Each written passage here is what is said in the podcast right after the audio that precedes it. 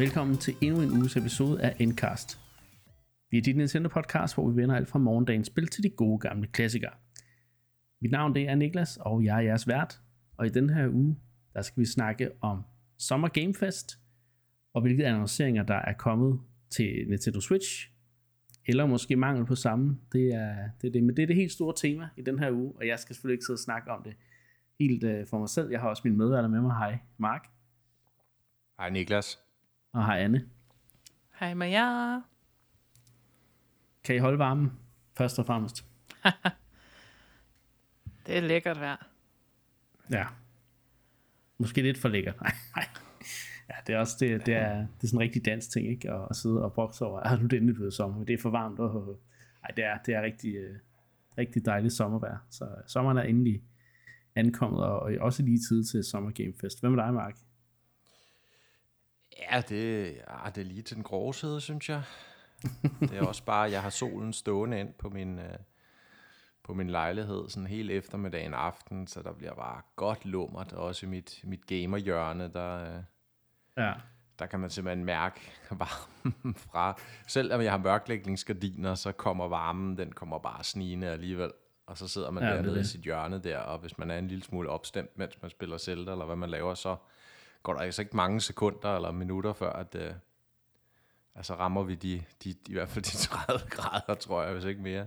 Ja, okay. Men, men jeg kan jo forstå på dig, at du ikke har spillet så meget Zelda. Er det, er det på grund af varmen, eller hvad? ja, det er jo nok en kombination af flere ting, men uh, ja. jeg har ikke fået spillet så meget den seneste uge, så... Nej. Ja, ja, men uh, der venter jo stadig mange gode timer i det spil, når jeg det er kommer, det. kommer tilbage. Jeg venter spændt på at kunne snakke med jer helt frit øh, fra leveren omkring spillet, når vi når dertil. Og det er jo selvfølgelig også fint nok at vente lidt med det, også måske for vores lytteres skyld. Så øh, ja, det, det er okay. Tag dig din tid, Mark. ja. Men nu, øh, ja, i dag der skal vi så snakke om Summer øh, Game Fest, som vi jo lidt lagde op til i, i, i sidste uge, men altså nu, nu har det her ikke i 3 så øh, fundet sted.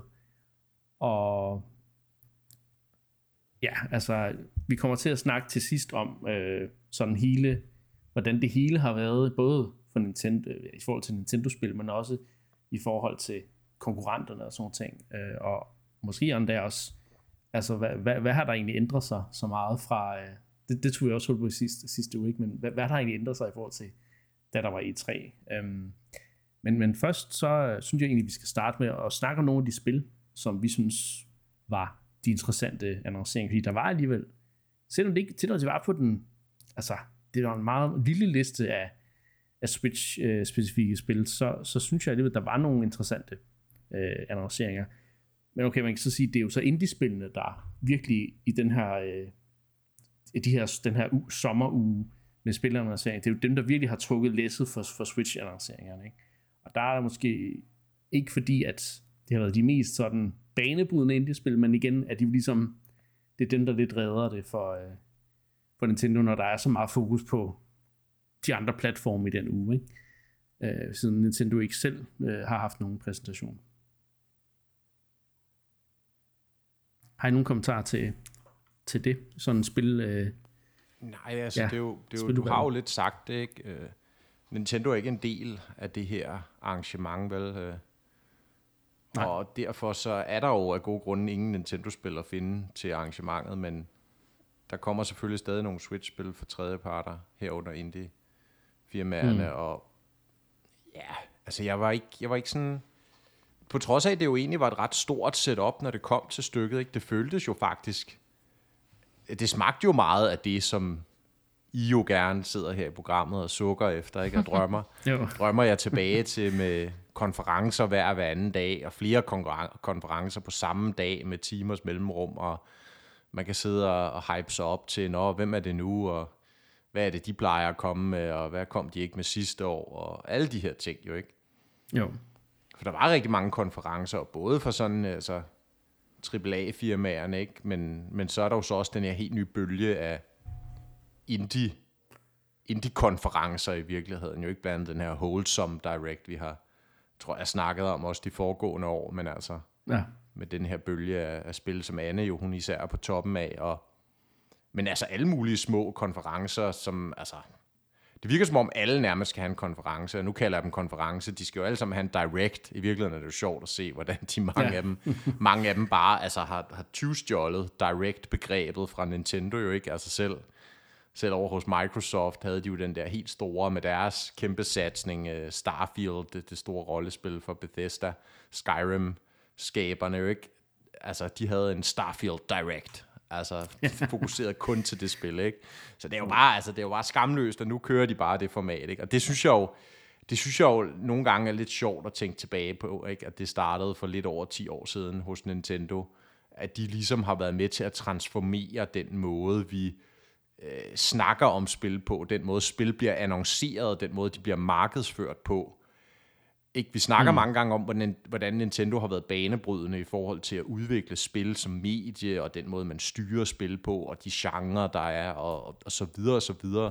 Men i virkeligheden her er jo et klokkeklart eksempel på, at de også kan revolutionere og, og sætte dagsordenen på andre punkter herunder marketing, ikke? Når det her direct-format, det nu er så udbredt, som det er i dag. Det synes jeg er mm. lidt sjovt, og det var som om, at, at lige over, der tog den bare det ekstra nyk op.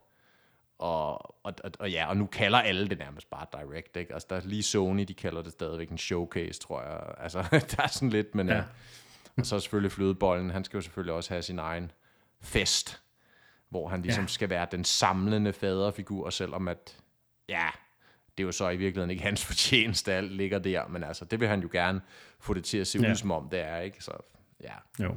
Så jeg synes egentlig, det har føltes ret meget som i 3 men det er klart, når Nintendo ikke er der, så er det et stort minus for Nintendo-entusiaster. Ikke? Det er sådan lidt, man sidder og tager til takke med de der tredjeparts annonceringer, ikke? og mange af dem jo så er det ting måske, der optræder til igen Playstation. Nu var Playstation så heller ikke rigtigt, men, men hos Xbox eller, eller nogle af de andre ikke, mm. på PC-shows og sådan noget hvor det er flotte, moderne 3D-spil, og, og så lige til sidst, nå, men der kommer også en Switch-version, man ved ikke, om det er en cloud-version, eller...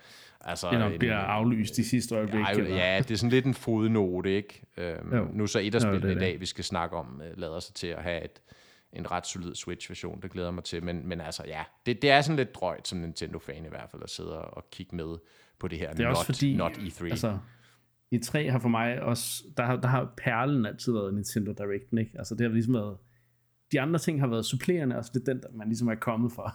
mm. Også fordi Men, de ofte sluttede showet af, ikke? Eller var sådan det, de sidste af de store, ikke? Som man sådan virkelig ventede på. Nu kom ja. Nintendo. Ja, helt, Men helt det... sikkert. Og så var der Treehouse, man også skulle se frem til. Ikke? Men ja, men altså, ja, så man sidder måske lidt sådan, som Nintendo-fan. Sådan lidt, uh, ja, det kunne have været bedre. Hvad siger du, Anna?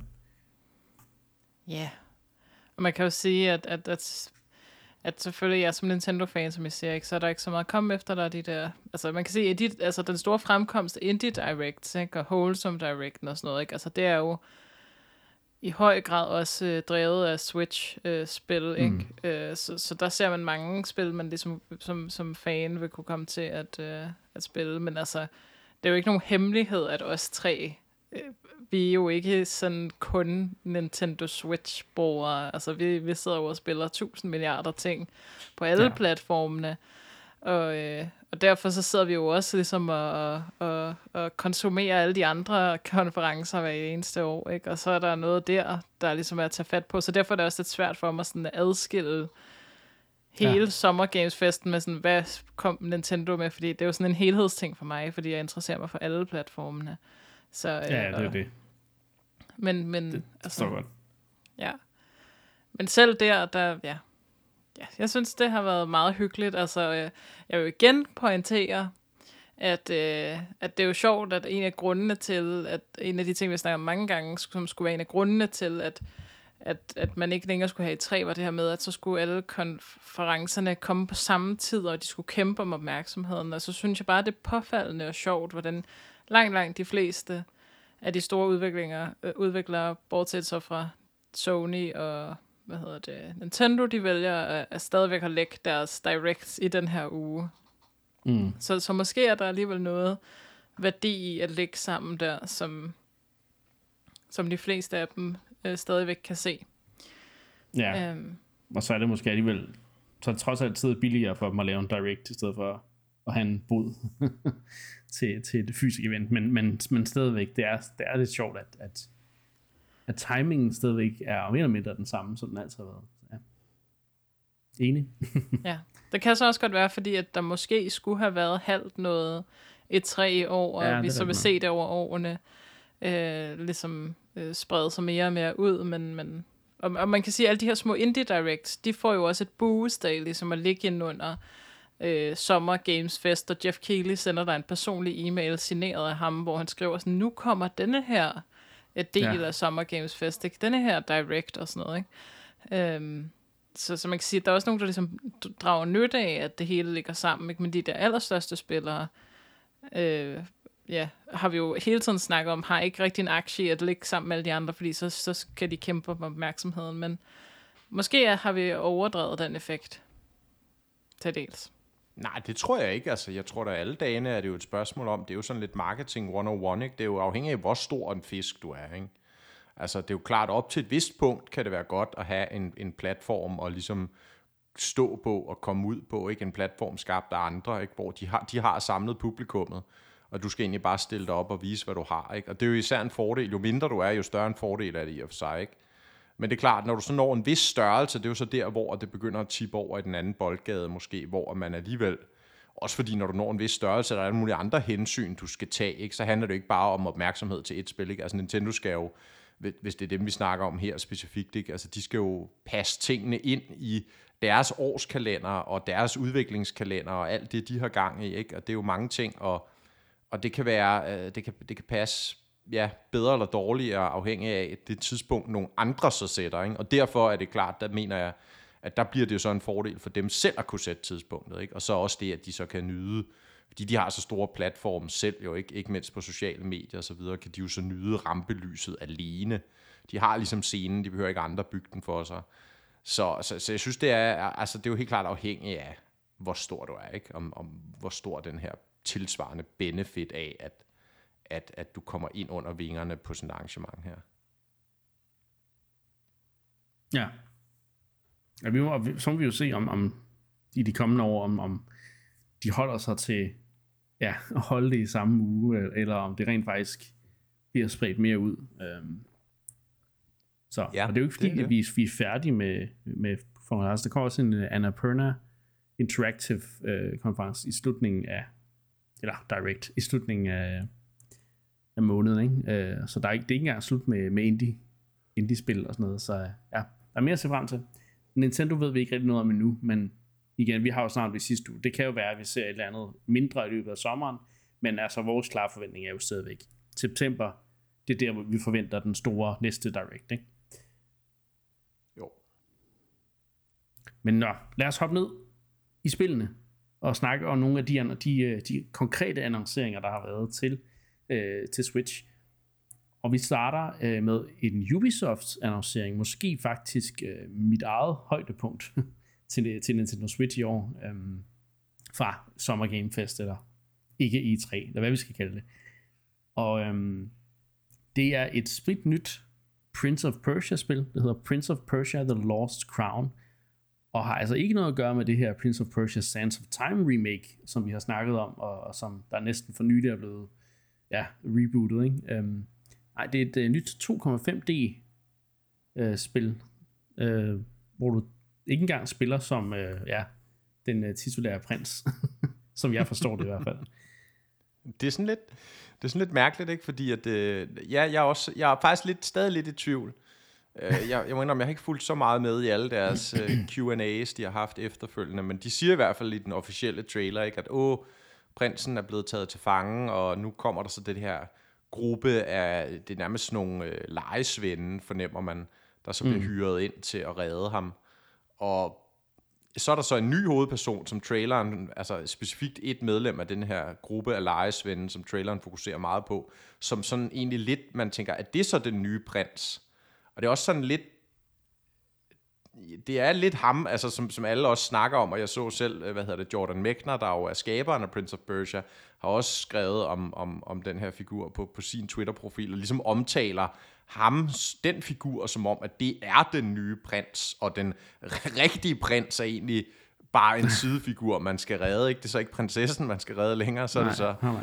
den gamle prins. Altså, det er sådan lidt forvirrende, men altså, ja, det er jo en kæmpe overraskelse, og det er måske også mit højdepunkt i og for sig, Niklas, fordi som I jo ved, og jeg tror også, det er blevet nævnt her i podcastet over årene, at Prince of Persia er jo en af mine helt store favoritserier øh, ja. fra, fra back in the days, fordi den har jo vidderligt ikke været fremme de seneste i hvert fald 10 år. Jeg tror, det seneste spil er fra, øh, er fra da de, de lavede den der miserable Hollywood-film, ikke? og den er fra sådan noget 12, 12 13 stykker, ikke? Og, ja. og, og, og, og, ellers skal man helt tilbage til 8 for at finde sådan det seneste sådan mainline, kæmpe AAA Prince of Persia-spil, så den har virkelig været, altså den, den led jo en, en, en altså den måtte jo vige pladsen for Assassin's Creed, ikke? den kender I sikkert den historie, ikke? men Assassin's Creed jo. overtog jo ligesom efter Prince of Persia, og fordi Assassin's Creed blev så kæmpe, kæmpe stor en succes, som, som det blev, jamen så var der bare ingen grund til at lave Prince of Persia mere åbenbart, men altså, det er der jo fordi, og det er jo også det, vi kan se på det nye spil her, de har annonceret, det kan noget andet end Assassin's Creed, ikke? altså det er jo typisk de der mere lineære, uh, action-packed puzzle-platformers, ikke? Action puzzle platformer, som, som, som, som har en god stemning, har en, en, en, en sød historie, og jamen, altså, bare super produceret eventyrspil i og for sig, ikke? Og det her, det er jo så ikke et 3D-spil, som de jo ellers, de seneste mange af dem har været. Det er jo så et 2,5D. Ja. Altså de her 2D-spil, der egentlig er lavet i 3D-grafik, men, men, men ligesom stadig, du kan kun bevæge dig af to akser. Og hvad tænker vi om det, Niklas? Jeg er jo, øh, altså, jeg er jo kæmpe fan af, af sidescrollers og af Metroidvanias og sådan noget, ikke? Så, så jeg er jo, altså, det er jo lige mig, det taler til, øh, det gameplay der, og ah, men jeg synes, det ser fænomenalt ud. Altså, det, der er combat, der er, øh, man kan løbe på væggene, man kan lave akrobatik, altså det, det ligner jo Prince of Persia-spil, bare i et andet perspektiv, end vi er vant til, og jeg synes egentlig, det er en, altså der er mange, der har, jeg synes, der har nævnt, at de kan ikke lide artstylen, de synes, den ser sådan lidt lidt, lidt mærkeligt ud. Eller, jeg, jeg, det kan jeg slet ikke forstå. Jeg synes, det ser altså, virkelig charmerende ud. det, skal helt ja. det, ligner, det ligner faktisk et Prince of Persia-spil på en måde. Men måske ikke 100% den, vi kender fra Sands of Time og Warrior Within og alt det der. Ikke? Øhm, men, men alligevel, den, den smager af det på en god måde, synes jeg. Ja, må ikke det er, fordi det er sådan lidt cartoony, og man kan sige, at sidste mm. gang, der udkom et stort Prince of Persia-spil, så var det jo ikke på den måde sådan cartoony. Selvfølgelig var det sådan lidt stylized, men dengang var det jo sådan lidt state of the art grafik, som jeg husker det i hvert fald. Altså selvfølgelig gik det ikke efter at være sådan fuldstændig realistisk, men, men dengang var, der, var det jo øh, altså, god, solid grafik, ikke? så man har måske ikke tænkt på det, som om det har været sådan cartoony på den måde. Og det ja, ser både, det. Både over igen, du har 8-versionen, som jo i den grad er hæftigt stiliseret, cel-shaded jo ikke. Jo, det er Men ellers ja. har du ret, at, at, at, at Sands of Time-trilogien og, og så også det seneste der, der kom sammen med filmen, de, de går jo efter en mere i en realistisk grafikstil. Ikke? Det er jo klart, det skal stadig ligne noget, noget persisk, øh, romantiseret Persien, Mellemøsten og sådan noget, men, men, men ja. Hmm. Det her, synes jeg, det her, det nye The Lost Crown, ser, altså, ser alligevel også igen noget mere stiliseret ud. Og, ja, øh, og jeg, altså, jeg, jeg kan godt lide det, altså, og der har også været meget debat om prinsen, og der er noget med hudfarven og sådan noget, ikke? det vil jeg nu ikke gå for meget ind i, altså, mm-hmm. men han er jo mørkere, end hvad vi måske er vant til, hvilket så også er en sandhed med modifikationer, fordi han har egentlig alle årene, jeg så faktisk igen, apropos Jordan Mechner, han, han responderede på det der, ikke netop, og viste et billede af alle de forskellige versioner, der har været af Prince of Persia over årene, ikke?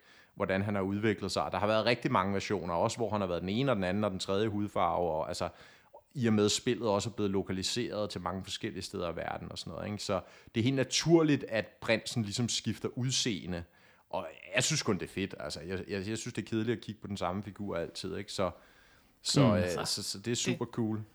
Det er jo også kun på internettet, at, no, at nogen sidder og klager over hudfarven på Prince of Persia. Altså, det er kun på internettet. Det er jo ikke nogen i virkeligheden, der sidder og klager over det. Altså, come on.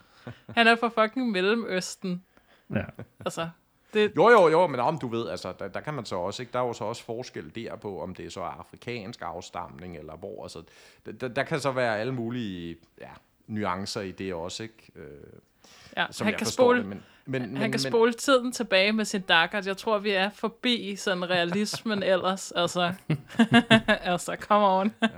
Nå, men altså, man det... må sige, det betyder Nå. noget for indlevelsesevnen for nogen, åbenbart i hvert fald. Ikke? Og det er jo stort nok til, at, at igen Jordan Mechner går ud og adresserer det på Twitter. Ikke? Så, men ja, du har ret, det er formentlig bare en, en storm med et glas vand og, og, og, og lidt. Ikke? Jeg tror, det der måske i virkeligheden hjalp den trailer mindst, eller den annoncering mindst, var det der sådan ret ret halslidte rapmusik, de havde lagt ind over. Det, det ved jeg ikke, det med jer. Jeg, jeg synes ikke, måske er jeg blevet for gammel, men altså, jeg synes ikke rigtigt, det passede. Ikke, at det skulle være full on orientalsk, øh, altså, men, men jeg synes, det var, det var sådan lidt for malplaceret i forhold til...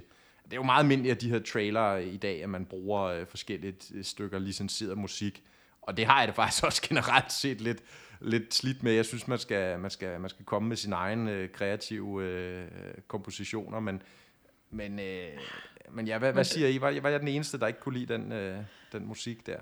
Jeg ignorerede det sådan set bare. Til, ja, ja, de er, det er nogle fede rytmer, og de øh, lægger noget, nogle, nogle øh, dynamiske animationer op, så det passer til, ja, øh, når, der kommer, når der sker fede ting i billedet. Og sådan, altså, men jeg er ikke, jeg er ikke selv til, til musikken, og jeg synes egentlig også, det er lidt javligt, når man bruger øh, sådan, ja, moderne øh, popmusik øh, til den slags, men det er måske også bare mig, der, der, der er lidt oppe i åren efterhånden. Vi er blevet for gamle, men, altså, det, det, er jo bare, altså, det er jo bare for at bruge et rigtig godt gammeldags me, uh, gamer-udtryk, så er det jo bare metaen lige nu, ikke? Altså, ja for de der rigtig kan, altså det er jo et spil, som, som Ubisoft gerne vil have ud til så mange som muligt, for ligesom at få prinsen ud og så kan man sige, at det er helt den målgruppe, øh, rap-musik-målgruppen, som, som de kommer til at ramme med sådan en her to og en halv dags øh, halv Metroidvania måske. Øh, Prince of Persia til, måske ikke. Men altså, i bund og grund handler det om at give en følelse, ikke? Altså, at du skal få en fornemmelse af, at du er fucking sej, når du spiller det her spil, ikke? Og, øh, og det er jo, altså, det er der bare meget sådan det der optempo, energiske, seje, cool rap musik, der kan. Det lyder meget mm. kikset, når jeg siger det på den måde. Men, men, men sådan er det jo, altså. Jeg, jeg kan godt sætte mig ind i den stemning, man ligesom skal komme i, fordi altså, al, altså alle jer Prince of Persia-nørder, I kører det jo lige meget, om der er musik i traileren eller ej.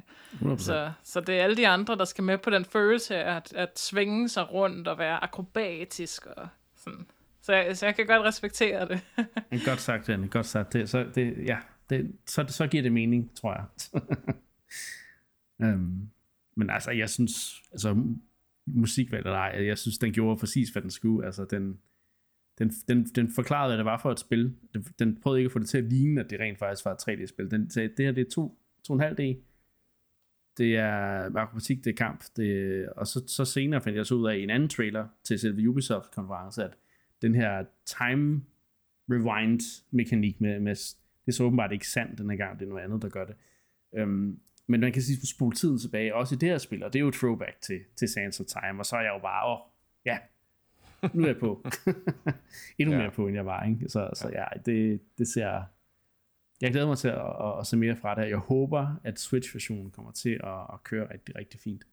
Ja, der skulle jeg jo lige til at sige, at det var netop en bekymring for mange, og derfor blev det også spurgt uh, ret uh, hæftigt ind til det, og så vidt jeg kunne forstå, så uh, også folk, der havde spillet det, at, uh, at, det, at det er en 60 fps, target, okay. man kører på, på Switch-versionen også, for ligesom at sikre den der flydende mm.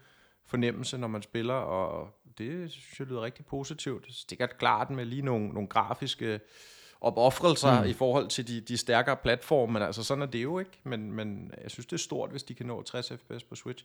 Men altså vi må så også sige, altså vi kan jo konstatere, at det er jo selvfølgelig et spil, der har et andet scope, end hvad Prince of Persia-spillene ja, ja. normalt har, eller har haft traditionelt har haft. Ikke? Så derfor er der jo stadig tale om en franchise, der egentlig lidt skal sparke døren ind igen, jo ikke, mm. efter at have været ude i så mange år.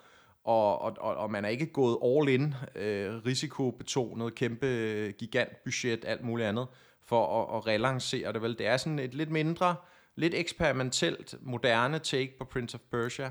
Og igen, det er super mm. cool, men, men det er jo der, vi er med den serie. Ikke? Altså jeg er bare glad for at se, at den egentlig stadig lever, ikke? fordi jeg havde egentlig lidt tænkt, at okay, igen, der er jo det her, nu har jeg nævnt ham et par gange, ikke? altså det der lidt kompliceret med Prince of Persia, er det jo egentlig en, en mand, der ejer rettighederne til den spilserie, ikke ham, der opfandt det i sin tid tilbage i 80'erne, ikke Jordan Mechner, og Ubisoft har jo ligesom licenseret franchisen af ham, øh, for at, øh, at, at, at producere de her spil. Ikke? Og det er klart, at efter de fik deres egen franchise i Assassin's Creed, så var der ingen grund til at ligge og betale royalties til Jordan Mechner længere. Så mm. derfor, altså, de kunne i og for sig lige så vel, du ved, have lavet et Assassin's Creed spin-off, der havde det samme gameplay som det her. Og, ja. og det var egentlig lidt det, jeg ville have forventet, de havde gjort. Så derfor synes jeg, det er positivt at se, at de stadig tror på brandet, og de nåede en, en aftale med ham om at ligesom prøve at, at relancere serien. Hvor det så sætter det her Sands of Time remake henne, det er jo så lidt et stort spørgsmålstegn også jo, ikke? Fordi som I sagde indledningsvis, det var jo under udvikling i nogle år hos et indisk firma, en indisk afdeling af Ubisoft, øh, hvilket jo giver super god mening at lade en udvikler for den, øh, det område af producere et, et Prince of Persia-spil. Mm. Rigtig interessant, men det var jo så åbenbart i så dårlig forfatning, at de valgte fuldstændig at, at, at annullere det projekt, og så rykke produktionen til Canada, tror jeg det er, ja. øh, som så er et af deres kanadiske studier, der nu har taget øh, opgaven op. Ikke? Og det er så måske for tidligt fra, at vi ser noget fra, hvad de er i gang med. Øh, men forhåbentlig er det ligesom den, den så større. Ikke? Det her det er første trin, og, og, og så kommer Sense of Time remaket her, måske, hvad ved jeg, om et år, to år, og så... Ja, det Sense of Time remake, så kommer det nye. Metroid Dread. ja, det kan man sige, ikke? Så, men altså, det her, det var et, et, et fransk, tror jeg, Montpellier, deres fra, et fransk øh, understudie til Ubisoft, der producerer det her, og det mm. skulle udkomme i starten af 24, som jeg forstod ikke, januar. Jo. jo. Så der er jo ikke lang tid til. Det bliver spændende. Det bliver rigtig spændende, og jeg vil så sige, altså, jeg er jo altså blevet så træt af Ubisoft her i de senere år, at, at, at jeg, jeg egentlig kun ser frem til, når Ubisoft laver mindre titler, som er sådan fuldstændig afstikker fra de der open world shooter øh, spil, som der tager 200 timer at, øh, at komme i. Altså, ikke fordi, at jeg ikke kan lide spil, der er lange. Jeg har lige siddet og spillet Tears of the Kingdom i 120 timer, ikke? men altså, jeg, jeg har bare øh, dårlig erfaring med, at Ubisofts kvalitet ligesom falder ved de her store titler. Men til gengæld, når de laver de her mindre ting, som Mario Rabbids Kingdom Battle, øh, til dels også Sparks of Hope, og når de laver øh, sådan et spil som Prince of Persia The Lost Crown her, ikke? Øh, også dengang de lavede uh, Rayman Origins og Child of Light og sådan noget. Det er de der ting, hvor man tænker, det der, det, det, det, altså det giver så meget mening, det, og det smager så meget det gamle Ubisoft. Ikke? Dengang de lavede, øh, ja, med, med, ja, alle mulige altså, vanvittige. Bangers på bangers, ikke? og alle mulige forskellige genrer og ting og sager. Så jeg er bare så glad for at se det, og det er også det, der gør mig ekstra hype på det her, ikke? fordi yes, nu, nu kan Ubisoft rigtig se, hvad for nogle spil, der, der, der, der får ros i pressen og sådan noget. Forhåbentlig. Nu må vi se jo. Det, det er jo for tidligt at sige, men jeg har så stor håb for det her spil. Jeg håber, det bliver så fedt.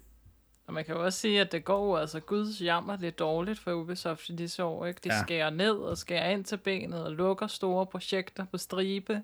Og der kommer skandaler ud omkring deres Skandale. arbejdskultur. Ja. Og, Fortsat og der bliver ikke rettet op på det, og folk bliver flyttet rundt i ledelser og alt muligt. Altså, det er fuldstændig øh, kaos, ikke? Og det var ikke særlig mange måneder færdige, siden. Og, ja. det var ikke særlig mange måneder siden, at vi havde den her historie ude om, at, at, at, øh, at CEO'en ligesom i forbindelse med lukning af mange af de her projekter var ude og sige, at nu skulle de ansatte altså også tage sig sammen og lave nogle nogle, øh, nu var det deres tur til at vise, at, de, at, at, at Ubisoft stadig var en stor spiller, eller et eller andet i den stil, ikke? Um, og der lagde jeg jo så mærke til den her Ubisoft Forward, ikke? at noget af det første, som han kom ud og siger CEO'en, det er jo faktisk, at han vil starte med at takke hans ansatte.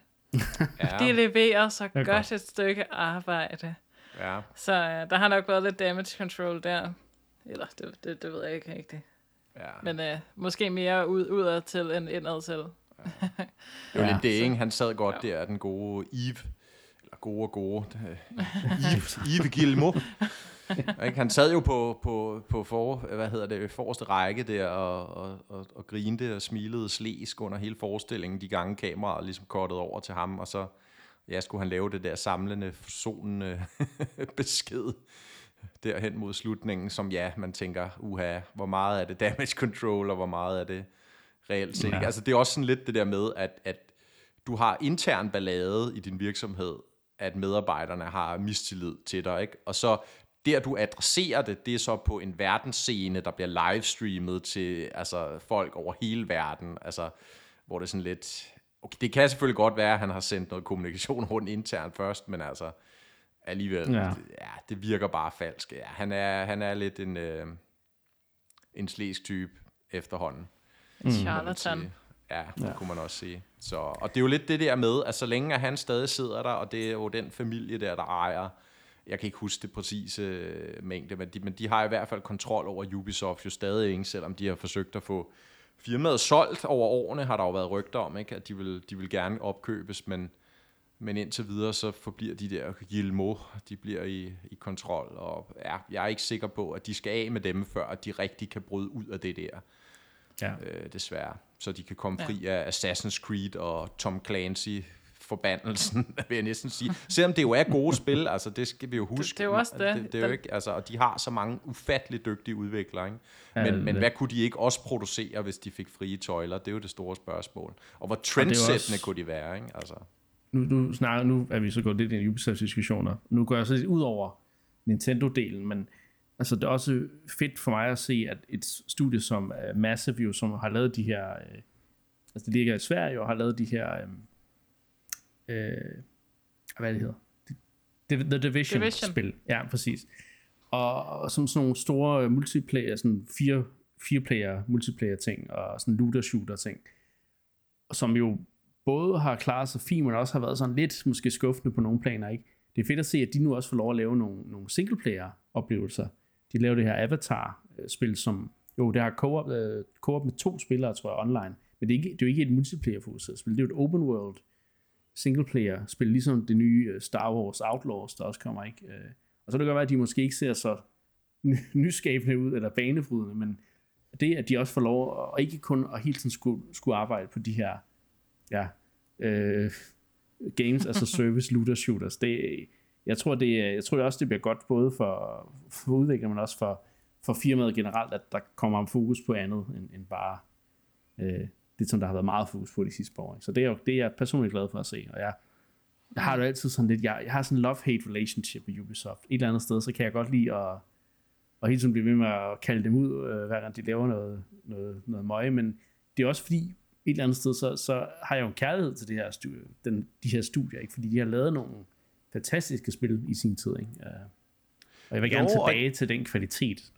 og, og man har også, altså, man har også lidt, altså jeg har, jeg har i mange år også lidt gået og sammenlignet dem med Nintendo, ikke netop, altså som vestens Nintendo på en eller anden måde, fordi, mm. fordi de har lidt har den samme DNA, eller i hvert fald havde en gang, med at lave de her vanvittige, skøre projekter, som ligesom også udfordrede, hvad mediet kunne, og genren kunne. De har lavet masser af party games og så videre, ikke? Just Dance, og man kan mene om Just Dance, hvad man vil og så videre, ikke? Men det har jo været en kæmpe revolution mm. for mediet, og altså de har virkelig mange gode franchises, som har gjort ting på en anden og ny måde, og det er ligesom om de seneste 5-10 år, er det bare blevet mere og mere en maskine, der skal køre der ud af, ikke? En Assassin's Creed, Tom Clancy-maskine, som sagt, der bare skal levere de der årlige eller sekundårlige, altså øh, mm. hver anden år udgivelser, og, og det er bare det, ikke?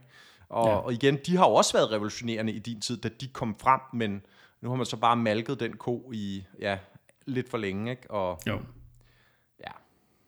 ja jeg, jeg håber, at øh, vi går en, en, en lysere tid i møde, og også at, at, at medarbejderne rent faktisk bliver behandlet bedre. Så, ja. Mm.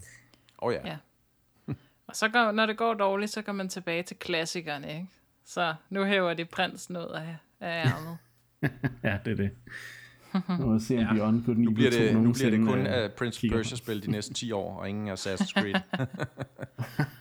ja, det ville ikke være dårligt. Måske, eller, det vil måske jeg ville det. Med. Hvem ved. øhm, vi skal videre til øh, det næste spil, tænker jeg. Øh, som ikke er et Ubisoft-spil. Det er, og det, er, det er jo nok øh, mest mig, der er, der er oppe og, og ringe over det her. Ikke? Øh, der er nu blevet annonceret et nyt Sonic-spil. Det er også 2,5 dage hedder Sonic Superstars, og, og ligner, altså det ligner en million. Det er klassisk Sonic gameplay, men i, i 3D og farv, farverige farver, og det går hurtigt, og det er ikke Green Hill Zone for en gang skyld, det er rent faktisk nye omgivelser. Og altså, ja, det, det, det ser meget, meget lovende ud. Øhm, men der er ikke så meget at sige om det, fordi det er meget, meget klassisk Sonic, men det fede ved det er så, at der er øh, op til, jeg ved faktisk ikke, om det er op til fire spillere. Du, du kan spille rigtig, ja, jo, det er vist op til fire spillere co-op, hvor du kan, du kan spille et, et 2D Sonic med, med, med tre af dine venner, ikke? Altså, det, jeg tror, det bliver, ja, jeg tror, det bliver, tror, det bliver rigtig, rigtig, uh, rigtig, rigtig godt spil. Uh, det ligner i hvert fald, kvaliteten er høj, og ja, så uh, saftigt nyt til, til, til i hvert fald klassiske Sonic-fans. Måske ikke dem, der var dem, der hellere vil have mere uh, Frontiers, men uh, ja, de må vente lidt. men det var jo sådan et 2,5D, ikke? Så jo, igen, jo. Og, og det er vel ikke noget, serien sådan traditionelt har dyrket, eller hvad? Eller så har det, øh, været, Sonic så har det været i 3D-spillene, ikke? hvor man så har haft de der sekvenser, der ligesom har været en 2,5D, ikke? Jo ikke mindst Frontiers, som vi spillede i tilbage omkring jo, juletiden. Jo, altså du har de der Sonic Generations og Sonic Forces, som også havde de her classic Sonic-baner. Mm. Men du har også haft Sonic 4, jo, som, som var sådan et projekt, der blev udgivet i to-tre dele på Steam, tror jeg det var Øh, det var også sådan to og en halv men det var ikke fordi, de var sindssygt gode. Så det er sådan det første rigtig lovende 2,5D, altså mm. udelukkende classic Sonic gameplay, uden noget uh, 3D. Uh, ja, og jeg så, de var også adventure. ude at sige, at, at de åbenbart, at det er den samme fysikmotor, eller hvad vi skal kalde det, uh, som i Sonic Mania, som jo ligesom er den seneste meget lovpriste Sonic 2D-udgivelse, ikke? Og det er jo, det er jo, det er jo, det er jo altså, musik for mine ører. Altså det, Sonic Mania er mit yndlings 2D Sonic, fordi at det bare spiller så altså satans ja. godt, ikke? Så, så, så det, jeg tror, det bliver rigtig fedt. Um, og, og det er sådan noget med, altså der kommer også, altså det er sådan noget, hvor du kan sådan skifte spor, hvor du kan ligesom komme ned i baggrunden og, og, og løbe i stedet for i forgrunden og sådan noget. Så ja, ja. Jeg tror, de kommer til at bruge den der 2,5D-effekt ret godt, men stadig beholder mm. det der klassiske 2D ting. Og igen, det er vigtigt at understrege igen, det kommer til at være helt nye øh, omgivelser, fordi det, som jeg har været irriteret over ved mange af de her 2D Sonic-spil, genudgivelser, eller øh, hvad skal man sige, øh, altså Mania, som jo var sådan lidt et remix-spil, men som også havde nye baner med. Der er altid fokus på, at vi skal lige bringe øh, Green Hill Zone fra Sonic 1 tilbage. Og det er sådan lidt, nu vi er, vi er færdige med den. Nu, nu skal vi videre i teksten, og det kommer vi nu. Det, det er jeg så glad for. Så jeg skal nok, øh, jeg skal nok anmelde det, når, når mm. det mhm. udkommer. Ja, vi ved jo, du er sikker-drengen her i programmet. Ja, det er jeg. Det er simpelthen. Hvis bare øh, der var flere af deres gamle franchises, der blev genoplevet, så, så ville det være en gylden tid. Men ja, oh well. Jeg må holde mig til klassikerne øh, de fleste tid. Men Sonic, han lever sgu i bedste velgående. Det, det er godt at se. På en Nintendo-maskine, skal vi huske. Og det er, det er, jo, det er jo det ironiske ved det hele, men, men jeg er glad for, at Sega og Nintendo de har forsonet sig i de hmm. senere år. Øhm, og ikke holder sig tilbage af gamle, gamle fighter i, øh, ja, i 90'erne. Det næste på min liste, det er måske noget for Anne.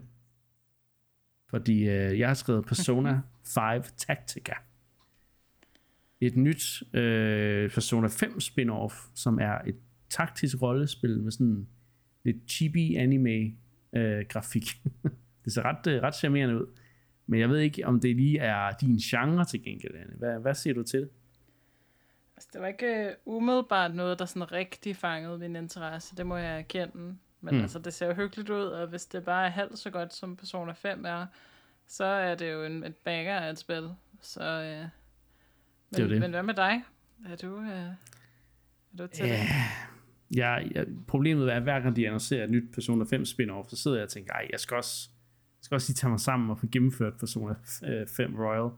Men det er simpelthen bare øh, et af de der spil, hvor jeg, jeg så nærmest øh, mister øh, lysten til at, at spille JRPGs igen, når jeg tænker på, at jeg skal igennem det.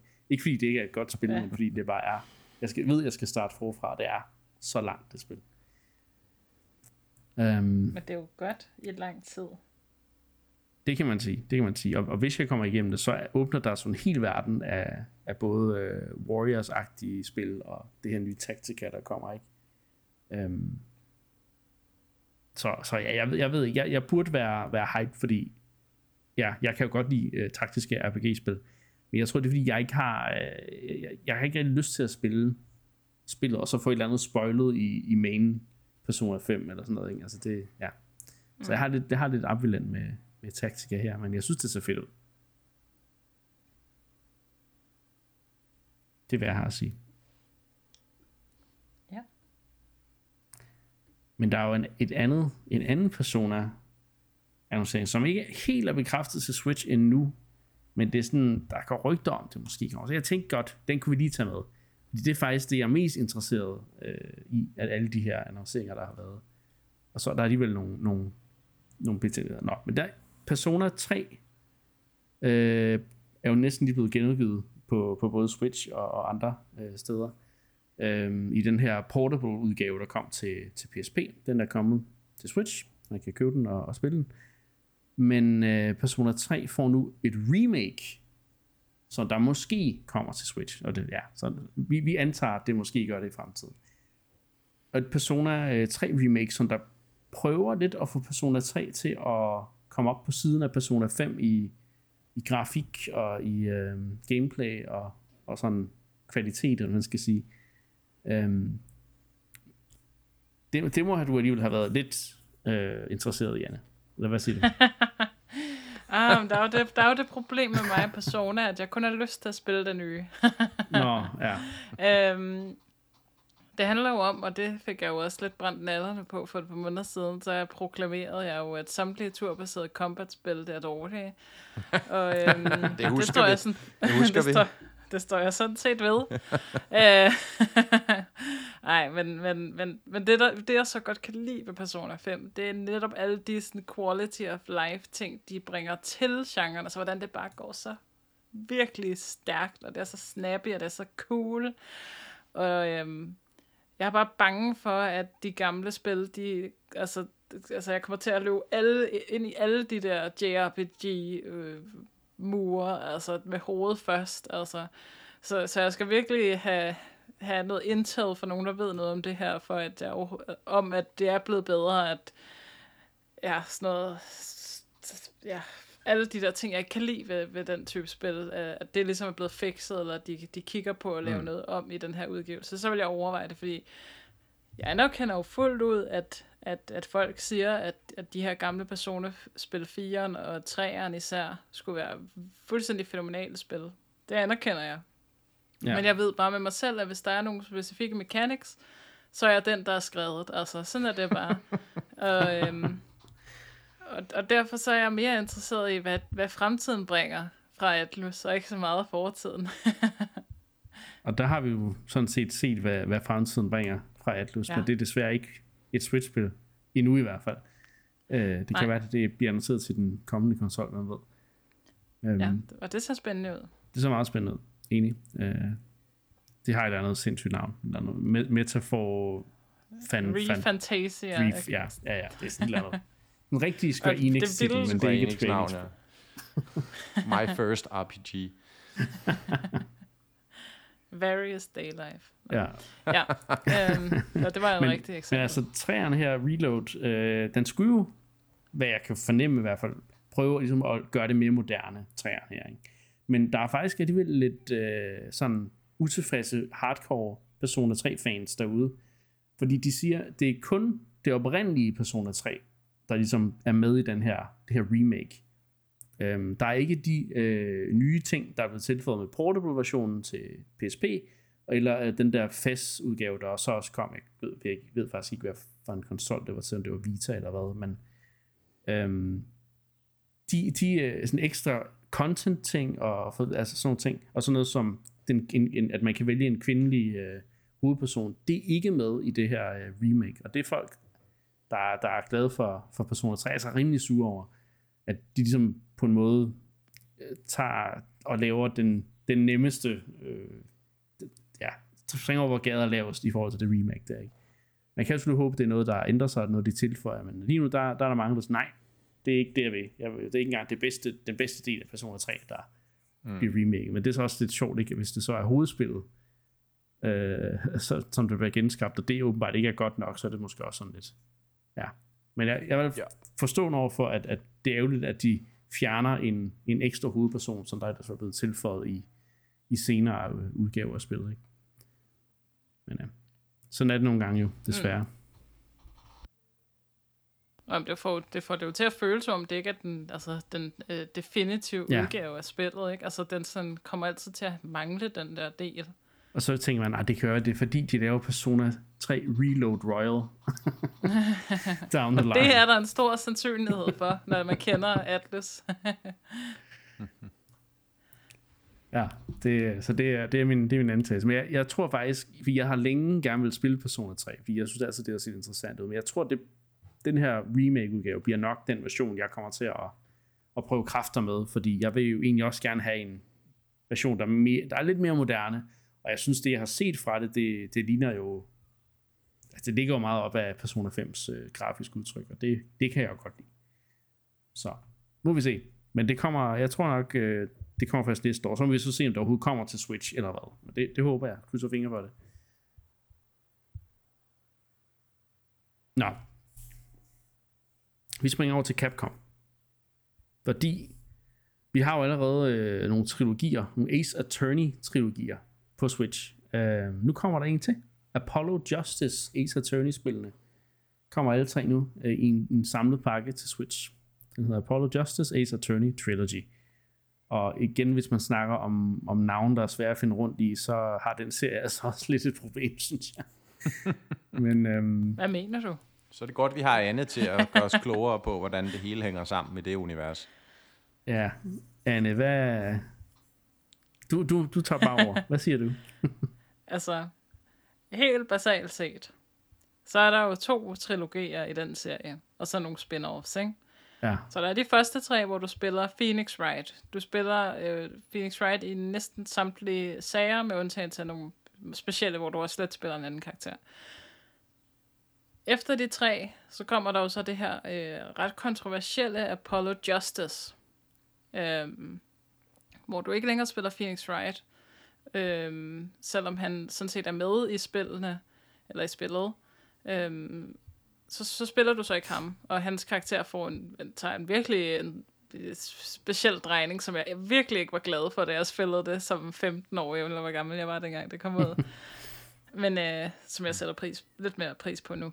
Øhm, men ja, så kom der jo så Apollo Justice til DS, og så øh, efterfølgende til 3DS er der så kommet to efterfølger, hvor du så spiller sådan lidt både Phoenix Wright og Apollo Justice, og en tredje øh, kvindelig advokat, der hedder Athena.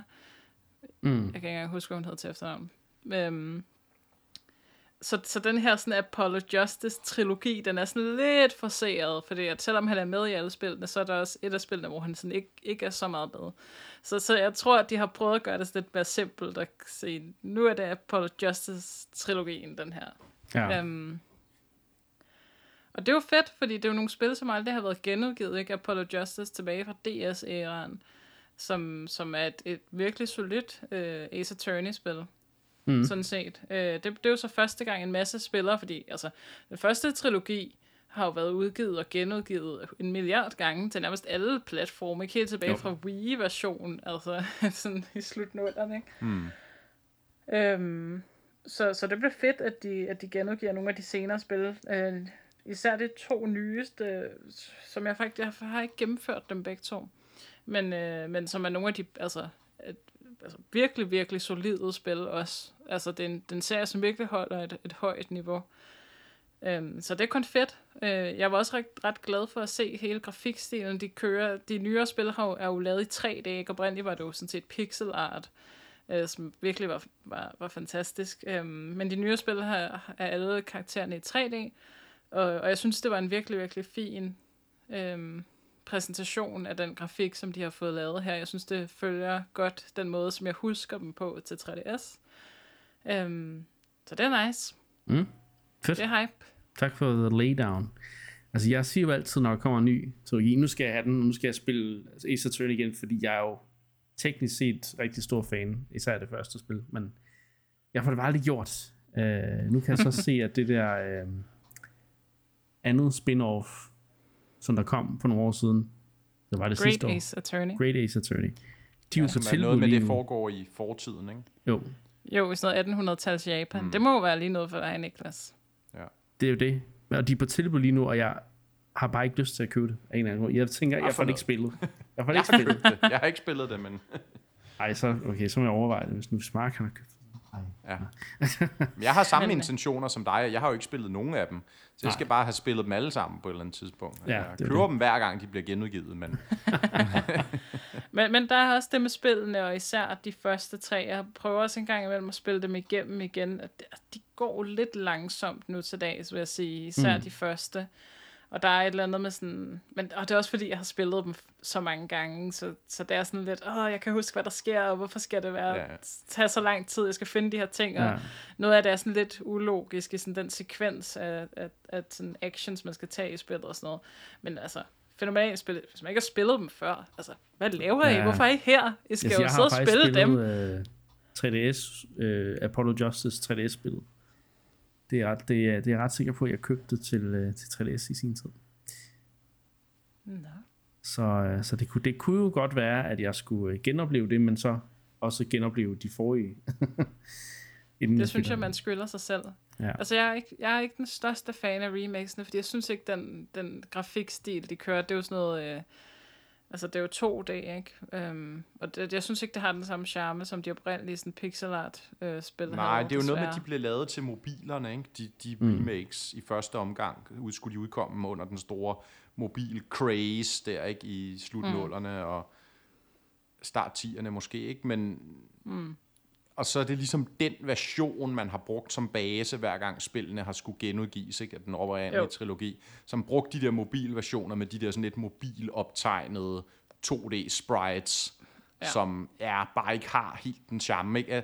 Samme charme som de originale pixels, ikke? Det minder mig om der for nylig, da vi snakkede om Advance Wars. Det var lidt det samme vibe, jeg fik, hvor den oprindelige pixelgrafik, fordi den bare er lidt mere grynet, så er det ligesom om, at charmen bare bedre skinner igennem, og de der små detaljer, hvor ligesom fantasien fylder hullerne ud i, hvordan figurerne ligesom ser ud. Det, det passer bare lidt bedre end det der sådan lidt, lidt optegnet, lidt udsmørret look, som, øh, som, som nogle af de her remakes får.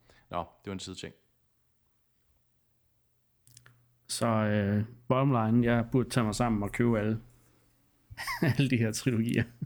Jeg kan faktisk Hele ikke huske, hvornår øh, den her Apollo Justice trilogi den kommer, men øh, den er vel på vej. Så Den er på vej til Switch Og- også. Og så kan man jo spille alle spillene til Switch, vel?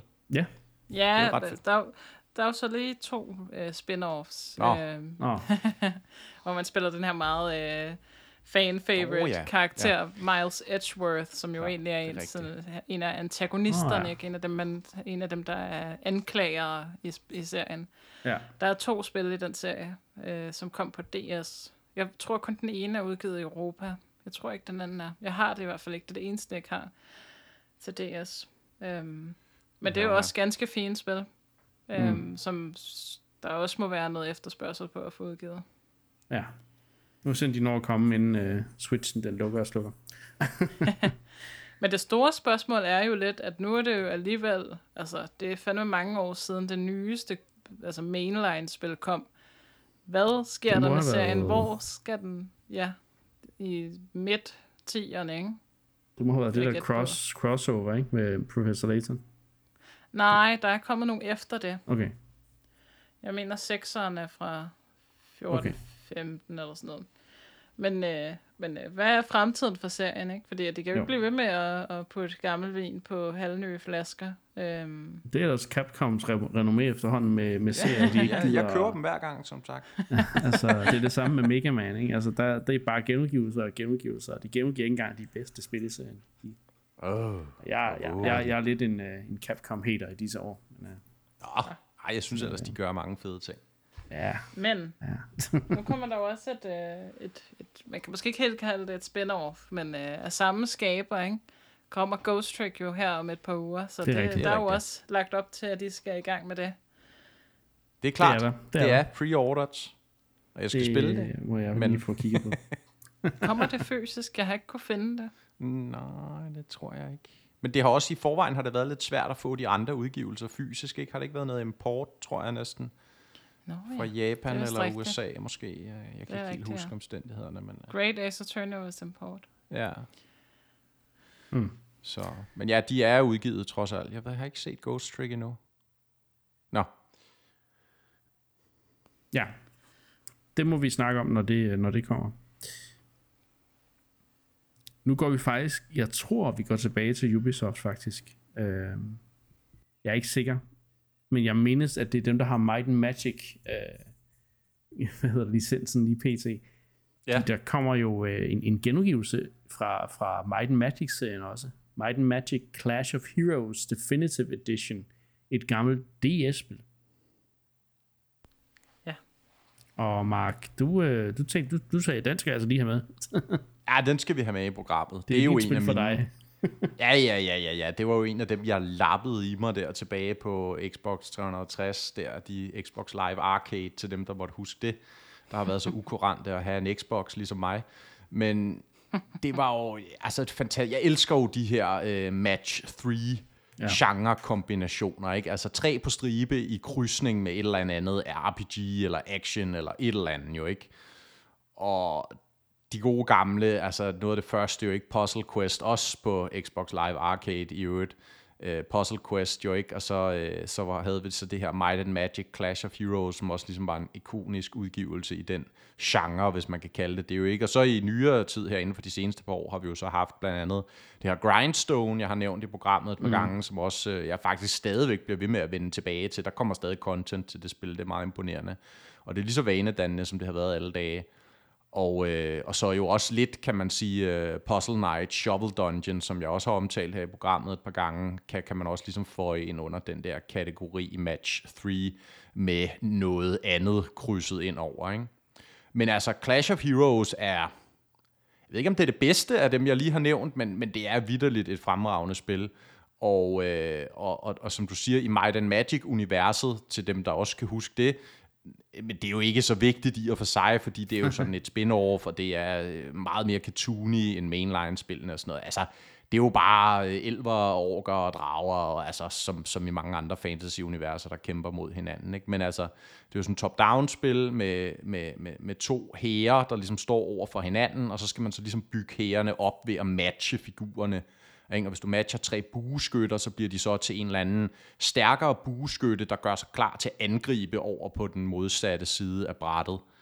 Og der skal den anden så jo ligesom bygge enten noget forsvar op til at stå imod det, eller øh, bygge en anden angribende figur op, så de ligesom kan enten tank hittet, eller ligesom skyde tilbage. Ikke? Og så er det ligesom det her med, hvis du så kan få sat et angreb ind, der går, i, der går på tværs af den modsatte spillers bræt, så rammer de ligesom heroen. Heroen, han står på baglinjen. Og, øh, og det er så det, der afgør kampene, når du så ligesom har fået heroens HP i 0 så, så taber eller vinder du så kampen. Ikke? Og, og, og så er der jo så et system omkring det, så går du rundt på et world map, og så øh, altså, øh, kommer du rundt til forskellige områder, du klarer quests, og altså, du, ja, øh, øh køber ind i shops, og alle de her ting, ikke? hvor du ligesom så udruster din egen hero med nogle abilities, eller gør din unit stærkere på bestemte måder. Ikke? Men hele tiden er det ligesom sådan fra kamp til kamp, i det der match 3-koncept, og det er bare utrolig vanedannende, og det, det, er, det er rigtig fedt. Og, og det kommer jo så den her HD-remake, som du siger, oprindeligt et DS-spil, men som sagt også udgivet på, øh, på Xbox 360. Det var der, jeg spillede det i sådan en, mm. en HD-version. Nu er det så en remake af den version, der kommer nu. Så øh, det glæder jeg mig til. Det er mange år siden, jeg har spillet det. Jeg glæder mig til at spille det igen. Der er også multiplayer, ret omfattende kampagne, som jeg husker, det tog mig måske 20-30 timer at komme igennem den. Ej, det er et vidunderligt spil, hvis man er til den genre. Og øh, Anne, jeg ved, du kan nok bakke mig op på det her i hvert fald. Det kan du tro. Jeg har jo faktisk spillet DS-spillet. Aha. Først, og så ja, ja, ja. også Xbox 360-versionen, og senere på PC, jeg spillet det så mange gange. Altså, det er blandt...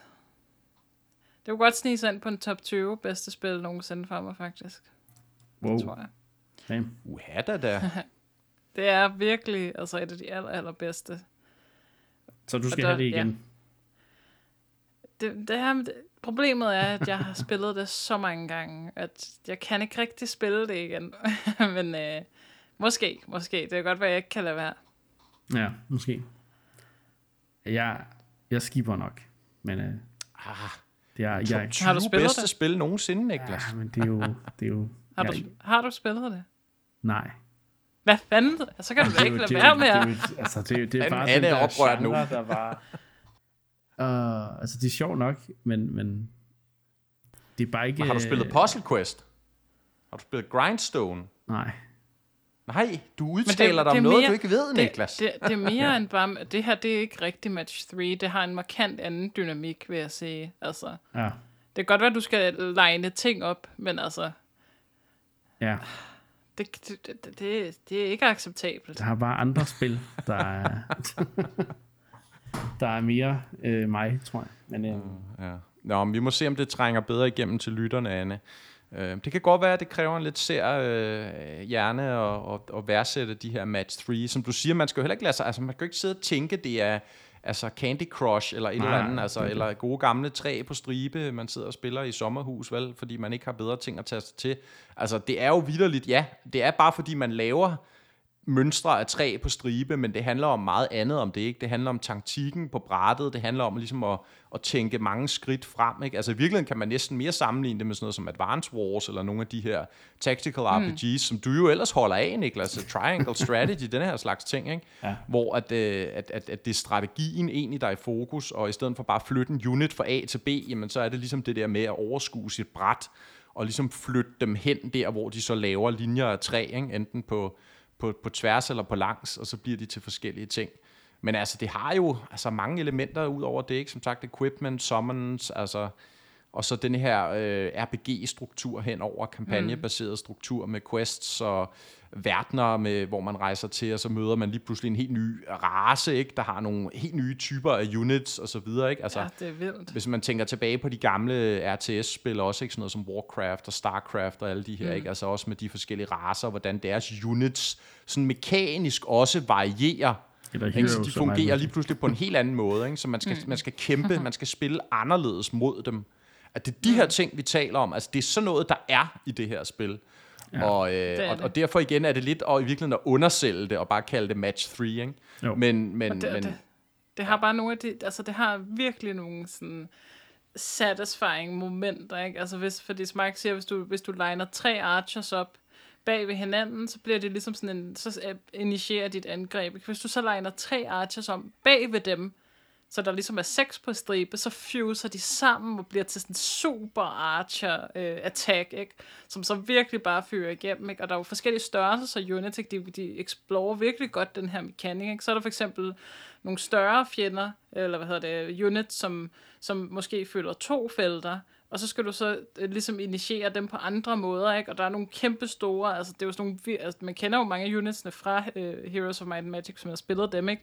Men forestiller sig en kæmpe øh, Archangel unit, ikke? så når du endelig får legnet den op, ikke? og den bare fører 100 damage mod fjenden, som har altså 100 liv, ikke? Altså, det er virkelig bare, der er sådan nogle så satisfying øjeblikke i det spil, og du kan virkelig sætte nogle sjove ting op, og det også ligesom at sammensætte sit hold, ikke? fordi der hver race har jo så altså sådan fire af de store units, og fire af de små units, og sådan noget, som du skal sætte sammen, og de har alle sammen forskellige abilities og sådan noget. Det er et vildt spil. Det er et virkelig, virkelig, virkelig godt spil. Ja.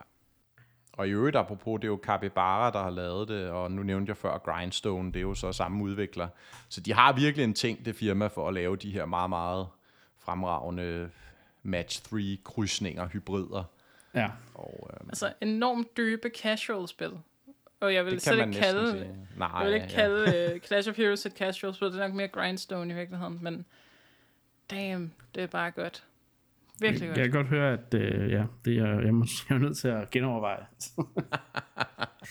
Men jeg må sige, det er, jo, det, er jo, det er jo også det her med, at, at hvor mange spil man har lyst til at købe, og så aldrig komme igennem. Og jeg kunne godt være bange for, at, at det vil ende i sådan en bunke. Ikke? Altså, jeg vil, jeg vil sige, hvis du, først, hvis du rent faktisk først satte dig ned og spille det, ja. så vil jeg mene, der var en overvejende sandsynlighed for, at du vil blive fuldstændig grebet af det og spille det til enden. Okay. altså, så skubbe de andre prioriteter væk. Ja. Men, okay. men det er selvfølgelig rigtigt, det, det der med at få, få købt det, og uden kendskab til det, og så rent faktisk få sat sig ned og gå i gang med det. Ikke? Ja. Men, øh, ja, okay, okay. Hvis okay. du streamer det, så køber jeg det til dig. oh, så, er, okay. så er den lagt. Okay. Stakesene er høje nu. Ja, ja. Ja, Men altså, jeg kan huske... Ja, vi må se. jeg, jeg kan i hvert fald huske... Altså, det tog også røven på mig jo ikke, nogle af de her spil Puzzle Quest også, som sagt, ikke? Altså, dengang på, på Xbox, ikke? Og altså, det var jo blandt alle de store AAA-udgivelser også på det tidspunkt, ikke? Altså, Bioshock og, og hele den der pakke. Af, jamen, der er jo hele tiden store AAA-udgivelser, ikke? Og jeg kan bare huske, de der spil, altså, de, de, de tog bare prioritet. Altså, det var bare sådan, jeg kan ikke slippe de her spil. Altså, det, det, jeg bliver nødt til at spille dem færdig først, ikke? Så Clash of Heroes, det røg bare igennem, ikke? Øh, ligesom nogle af de andre her, så... Mm. Så de, de kan et eller andet. De kan i hvert fald fange mig, øh, og, og virkelig bare skubbe alt andet til side. Ikke? Og så er de jo gode pick up and plays. Det er jo også, man hører ikke at spille dem så koncentreret. Vel? De er fremragende til at hive, hive frem mm. en gang imellem. Ikke? Som sagt, Grindstone spiller jeg stadigvæk her på tredje år en gang imellem tager jeg et par kampe, ikke? fordi der stadig er noget af den kæmpe kampagne, jeg ikke har færdiggjort. Så ja. Ja. Okay. Jamen, øh, jeg tror i hvert fald, der er nogle lytter derude, der måske kunne godt kunne være blevet solgt nu, men øh, ja, jeg, jeg, skal lige, øh, jeg skal lige i tænkeboks. men ja, øh, interessant øh, udfordring der, øh, ja, eller ikke udfordring, øh, pro, proposition. Jeg har videre til næste spil. Øhm, så øh, vi skal snakke om et indie-spil, som blev annonceret til den her Guerrilla Games Collective Direct, øh, som også var en del af hele Summer, Summer Game Fest. Og øh, Questmaster, som er, vi snakker lige kort om det, som er et virkelig dårligt navn, øh, det er faktisk en 2D Zelda Dungeon Maker uh, in disguise. Og der, der, de er ved at komme frem, de her Dungeon Maker spil, og jeg vil så sige, Questmaster er nok det, der sådan rigtig begynder at, at skrige Zelda uh, til mig. Fordi det, det har sådan meget Four Swords Wind Waker stil, og jeg kan se, der er rigtig mange altså Zelda-inspirerede elementer i, i den her øh, Dungeon Maker. Jeg kan ikke helt huske, hvor den kommer, men jeg er meget interesseret, fordi der er en anden øh, ude, som jeg ikke husker hedder lige nu, hvor man spiller en anden kylling, der også kan, kan rulle og slå med svær, og man kan bygge dungeons og ting og sager, men det er jo, det er jo, det er jo, det er jo en Zelda-fans drøm også at kunne lave altså Mario Maker baner, men, men med Zelda Dungeons, ikke? Jeg blev jo lidt skuffet i, i Link's Awakening til Switch, da, da den der Dungeon Creator ikke var så robust, som man havde håbet. Øh, og, og, og det er jo... Nu, nu kan man endelig få lov til at lave de vildeste Zelda Dungeons, i hvert fald i 2D, øh, hvis man vil. Og, så jeg glæder mig, jeg skal virkelig prøve, jeg prøvet både Questmaster og det andet spil, jeg også snakket om. Øh, så, så ja, jeg ser meget frem til det. Hvad, er I øh, fristet til at lave jeres egne Zelda Dungeons? Eller i hvert fald prøve andre, andre fans øh, dungeon-kreationer? Ja, selvfølgelig. Selvfølgelig er man frisk på det. Ja. Jeg er mindre frisk. Du er mindre frisk. Nej, det ved jeg ikke. Altså, jeg har jo heller ikke rigtig spillet Mario Maker og sådan noget, Nej. så... I don't know. Jeg, Ej, nej. kan bedre, jeg kan bedre lide at kritisere dungeons, end at lave dem og spille andre, tror jeg. ja. ja. Det er også nemmere. Det er det, ja det er jo ikke sjovt at bemærke, det er en total øh, hvad hedder det, afsporing af emnet, vi snakker om her, men det var bare lige for at lave et throwback til seneste episode, hvor vi jo, øh, jeg tror især mig, kom med nogle måske lidt kritiske udtalelser om især en enkelstående dungeon i ja. Tears of the Kingdom, hvor vi jo i ugens løb har fået hæftig pushback på det. Nå, så. ja. Så det kan jo være, at, øh, ja, at det, det, det, vi bryder op i den diskussion, når vi kommer til at snakke om det i detaljer. Sådan er der jo så meget. Så Nå, kan men jeg Questmaker. i hvert fald dele nogle, øh, nogle, nogle fantastiske dungeon designs og sige, det var sådan her, den skulle have været, ja, den dungeon. Det var, ja, det der tempel i Tears of the Kingdom, hvis det havde været sådan her, så havde det været et mesterværk. ja. Ja. Ja, det okay. Det skal jeg lige have undersøgt øh, i, i, til bunds, det der. Det er interessant. Men øhm, men ja, altså, det, øh, jeg, jeg, tror, jeg, tror, jeg tror, der er en scene for de her spil, men, men ja, har det også sådan lidt, altså man skal virkelig være en bestemt person, hvis man bruger mange timer på, og altså jeg tror, de, hvis man er spiludvikler for eksempel, så tror jeg ikke, man vil bruge så mange timer på at lave, lave, lave levels, så at sige, i et andet spil og til et andet, til et andet platform, så vil man sætte sig ned og lave altså lave, lave baner til sit eget spil, eller lave, lave sin egen kreation. Men samtidig, altså, der må være en eller anden type spiller, der er, i, sådan, sådan, der er meget kreativ, og som også sådan, har lidt en, en spiludvikler i, i, i maven, men som ikke helt gider at gøre så meget ved det, som der virkelig er til de der Questmaster-spil. Altså jeg, jeg prøvede jo lidt at gå all in på Mario Maker 2 med at lave et helt lille spil med otte verdener med så mange baner, man kunne have og sådan nogle ting i, i Mario Maker 2. Og det var fedt, men jeg brændte altså natterne på det, og jeg har ikke rigtig haft lyst til at åbne Mario Maker siden. Så jeg, jeg kunne være lidt, lidt bange for at brænde for hurtigt ud på sådan et spil som Questmaster, øh, hvor, hvor man skal lave sin egen dungeons. Men det ser virkelig, virkelig fedt ud, og ja, ja, stilen har de virkelig nailet med, med den her Wind Waker mm. Four Swords-agtige stil. Så jeg glæder mig til at se mere. Jeg, jeg, jeg kan helt klart prøve kræfter med, med en eller begge af de her øh, spil, der er. Ja, det, ene er, det ene er, hvis du er der udkommet, men øh, jeg har ikke lige fået, det, fået kigget på det endnu. Jeg tror, det hedder, faktisk hedder Super Dungeon Maker, eller sådan noget stil. Det er noget, vi snakker om. Nå. Vi går videre til uh, Moonstone Island. Anne, som du faktisk har spillet en demo af. Som jeg kunne forstå det. Det har jeg. Men fortæl os, hvad er, hvad er Moonstone altså, Island? Og ja, hvad, hvad... Det, det er jo en type spil, som vi simpelthen ikke sætter pris nok på i den her podcast. Det er jo et, et farming-spil. der er bare ikke nok af dem, og der er ikke... Nej. Øhm, det, det er et, et farming-spil, hvor at man så udover at farme, så også har nogle Pokémon-lignende væsner, man kan tage med sig ud på noget eventyr. Okay. Og øhm, ja, det har jeg spillet en demo af. Det, altså, jeg har kendt til det en del tid, fordi at jeg måske bruger for meget tid på Twitter.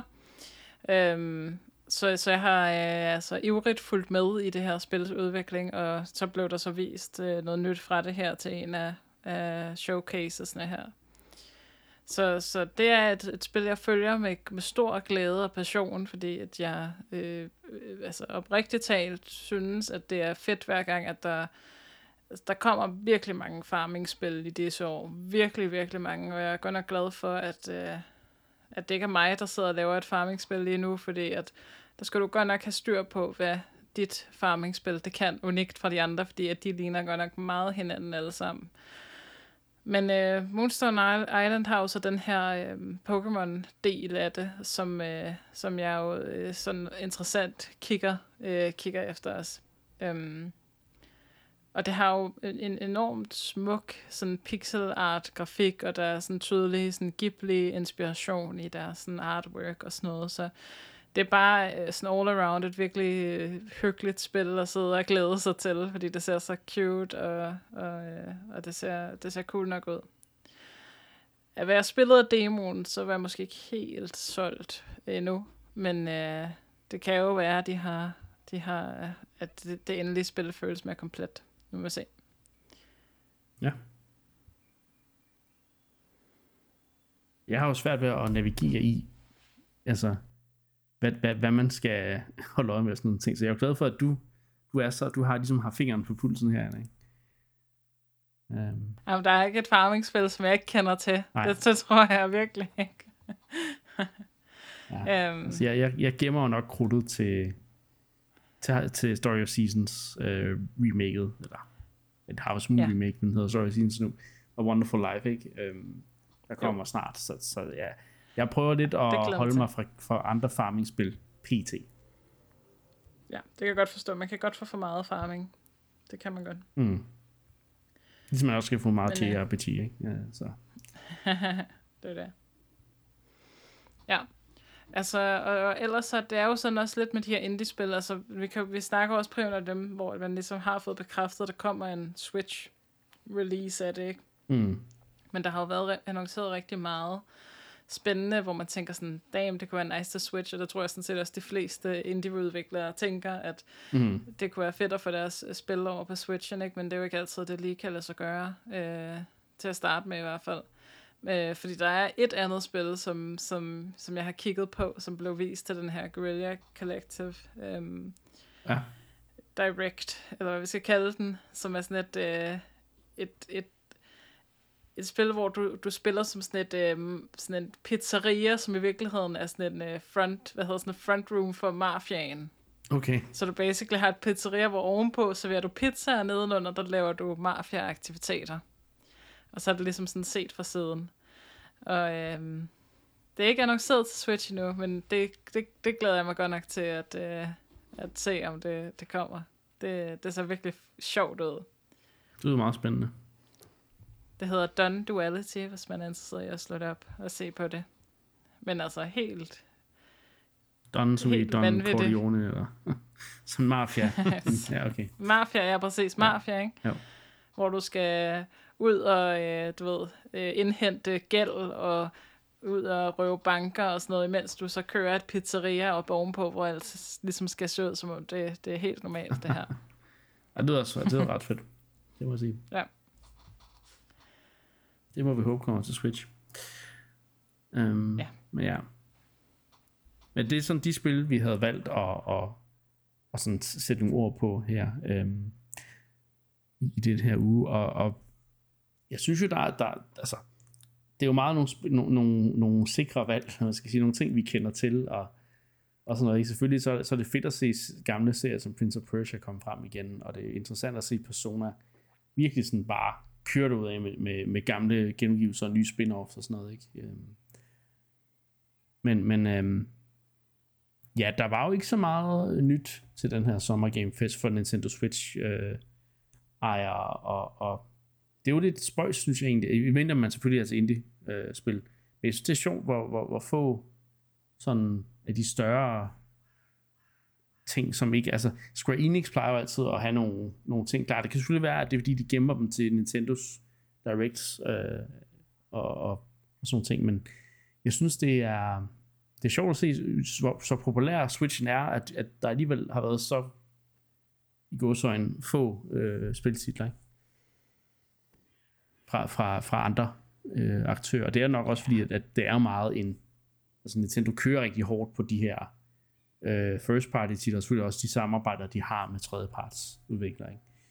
Øhm, men hvad synes I sådan, hvis vi sådan skal gå lidt ud over, gå lidt mere generelt, hvordan synes I så Summer Game Fest har været i det hele taget? Hvad er jeres takeaway? Ja, men, ja, men altså, vi var inde på det indledningsvis i programmet, ikke? Altså, det smagte jo lidt af E3, som i de gamle dage, men jeg vil sige, jeg vil sige alligevel ikke, fordi jo, altså der er så kommet en masse af de her directs af forskellige art, ikke? Mm. Og, og man, man kan måske diskutere eksistensgrundlaget for nogle af dem, ikke? Fordi jeg synes også, når man kigger på indholdet, ikke? Altså nu fik du sagt før, der, der er masser af indie-spil, det er der selvfølgelig også, ikke? Men, men altså, det, det er jo også indie, indie-spil, det er jo en meget, meget bred øh, paraplyterm i og for sig, ikke? Og der er rigtig mange af de spil, synes jeg, der bliver fremvist i nogle af de her, især nogle af de små directs, og det kan være alt over fra, fra, fra Wholesome Directen til den her Gorilla Games Showcase. Altså, der, der, altså hvor jeg det sted vil betegne det som shovelware. Altså, det, det er spil, som, som altså jeg, jeg, jeg tror med 99% sandsynlighed, jamen så får de lige en, en kort tur i rampelyset her, og så hører vi næsten aldrig fra dem igen. Ikke? Der, der var en del af den titler, hvor jeg fik den vibe, og der vil jeg alligevel sige, altså E3 trods alt, der var en, en, en større kuratering i det, det, det indhold, ikke? Altså også fordi der bare var færre directs, ikke? Så, så, så, eller flere directs, der var færre præsentationer, så, så det er jo klart, man, man, man har ligesom på forhånd siget alt det dårlige fra, ikke? Så, så her er det ligesom om, at man har kæmpet om bare at få nærmest hvad som helst med i, i nogle tilfælde, og, og det, er jo ikke så spændende. Altså, der bliver udgivet så mange spil hver hver eneste dag jo nærmest, ikke? Både på Switch, på, på, på PC også selvfølgelig i endnu højere grad, og det, altså, det handler i høj grad i dag om at sortere, mm. finde frem til guldet, ikke? Jo. Og det er jo det, som nogle af de her præsentationer skal kunne. Ikke? Altså, det er derfor, at der har siddet nogle mennesker og kurateret og ligesom sagt, vi vælger de her ting ud, fordi vi mener, det har potentiale. Og det har man selvfølgelig også gjort i det her tilfælde, antager jeg. Ikke? Men der er så bare nogen, hvor baren alligevel er blevet så lav, synes jeg, at, øh, at, at, at det er det, det går ud over helhedsindtrykket. Ikke? Så, mm. så det var sådan lidt en, en, en, en ah, tør man sige, en, en fattig mands E3. Altså, det var i hvert fald et not E3, synes jeg. Og, øh, men det er klart, Ubisofts og, og selvfølgelig også Microsofts og de her, de, de lidt større også, også de større. Der er også mange gode ting i, i, i, i hvad hedder den, uh, Wholesome Direct, når de her, det er slet ikke det. Men, men der, der kunne man smage lidt af den gamle E3, det gamle E3-format. Jamen ja, det, det var men ikke helt det samme. Jeg følte jo stadigvæk ikke, at, at der var nogle af de her præsentationer, hvor man havde den der følelse af, at der virkelig var konkurrence, vel? Altså, det var ikke, det var ikke øh, topkarakter til nogle af dem, synes jeg. Jeg synes, der var mange af dem, hvor jeg følte mig sådan lidt, okay, der var noget, der virkede interessant, men så viste de ikke noget gameplay, og der var nogle ting, der virkede øh, sådan lidt, altså, det er for tidligt. Det er jo en klassisk E3. ja, det er det jo. Men, klassisk men, E3 men, ikke at vise gameplay. Ikke? det, det, var ikke, altså det var, det, var, det, det smagte E3, men det smagte ikke af E3 på sit bedste, eller hvad man skal sige. Vel? Nej, altså Microsoft havde jo en af de der konferencer, ikke? hvor måske med undtagelse af det her Starfield, hvor de netop havde en, en direct, så var der rigtig meget af det, der bare var altså trailer, videosekvenser, ikke uden jo. gameplay. Og der, der, der, der var det jo, man savnede Nintendos modstykke, hvor de kommer, og Miyamoto stiller sig op på en scene og demonstrerer Skyward Sword, og det virker ikke rigtigt. Og sådan noget. Men man ved i det mindste, det er reelt gameplay, ikke? Jo, jo, jo. så, ja. øh, hvis vi endelig skal tage de nostalgiske ja, briller altså, på. Så. Altså, Ubisoft der var jo også fint nok, de viste nogle interessante store spiltitler frem, men der var, jo, der var jo også meget af det her Assassin's Creed og nogle shooters, og, som jeg engang, som jeg blev ved med at blande sammen med gamle shooters, som ikke er det, og altså det, ja, jeg ved ikke, jeg synes det var, jeg synes det var, det var en lidt, det var ikke så mindeværdig, øh, præsent, nogle så mindeværdige præsentationer, der var, så jeg, jeg kan faktisk ikke sådan, sidde lige nu og, og navn, altså name droppe alle de store ting, som jeg kommer til at se frem til, udover selvfølgelig de spil, som havde en Teamland Direct, som Starfield, hvor jeg ikke engang altså, er sikker på, at det er noget for mig, når jeg lige har siddet og spillet Tears of the Kingdom. Vel? Altså, så ja, jeg ved, jeg ved det ikke. Jeg synes, øh, det har været okay, men, men, men jeg har også glemt nogle gange, at det var not E3 week, fordi sådan lidt, nå jo, der kommer også den der ting i morgen. Jeg har ikke rigtig været så hyped øh, på det, som jeg plejer, kan jeg godt mærke. Men øh, hvad siger du, Anne? Er, vi, er jeg for hård i min... Øh... Nej, altså... Nej, det, det, det er ikke det samme. Det må man sige. Altså det, og det bliver nok aldrig det samme igen, uanset hvad. Men sætter stadig pris på, på det, der var. Og, øhm, og glæder mig til at se, hvordan det, det kommer til at se ud næste år. Fordi jeg kunne konstatere, at det øjeblik, at det sluttede, der modtog jeg en mail personligt signeret af Jeff Keighley, hvor han sagde, vi kommer igen næste år. Bare rolig. ikke noget mere i tre skud annoncerer, det er cancelled øh, før at de, han annoncerer, at det kommer igen. Øh, det kommer igen. Så øh, det vil jeg da se frem til. Øh, det kunne også, ja, næste år blev også et interessant over mange grunde, så... Øh, ja, især ja, for Nintendo-fans. Det er jo det. Kunne der komme en, en, en uh, Jeff Keighley Nintendo Direct næste år? Det må vi se. ja, det, øhm. man tør næsten ikke tænke på det, vel? Men. ja. Nej, men, men jeg kan godt dele jeres øh, oplevelser, ikke også meget det, det, det mindre Indie Direct ser lidt lidt underwhelming ud. Også, ja, også nogle personlige skuffelser, altså øh, Thunder Lotus, som, som laver, øh, som lavede Spiritfarer, ikke meget øh, anerkendt spil, ikke det her, som handler om hmm. øh, døden og så videre, ikke? Laver nu et, et sådan et Hades-like uh, 33-player co-op spil, som jeg bare, altså... Ja, det så...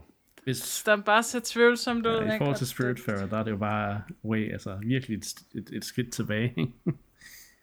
jo, så, så der mangler måske lidt noget, um, noget originalitet, ikke? Um, og, og inden, øh, man kan sige sådan, som generelt ting, ikke? Sådan inden for, for, for indie publishing i de senere år, har man, har man sagt, at, at der i, i corona-årene, især i starten, ikke, hvor at, altså, at gaming jo gik helt amok, ikke? Animal Crossing sælger 30 millioner, ikke? har virkelig fået publishers øjne op, både for de her wholesome spil, men også generelt var der en tendens til, at man overfundede spil helt vildt, fordi nu skulle gaming ligesom blive den hobby, alle havde, ikke? fordi alle gik ud og købte en Switch eller en Playstation i den periode.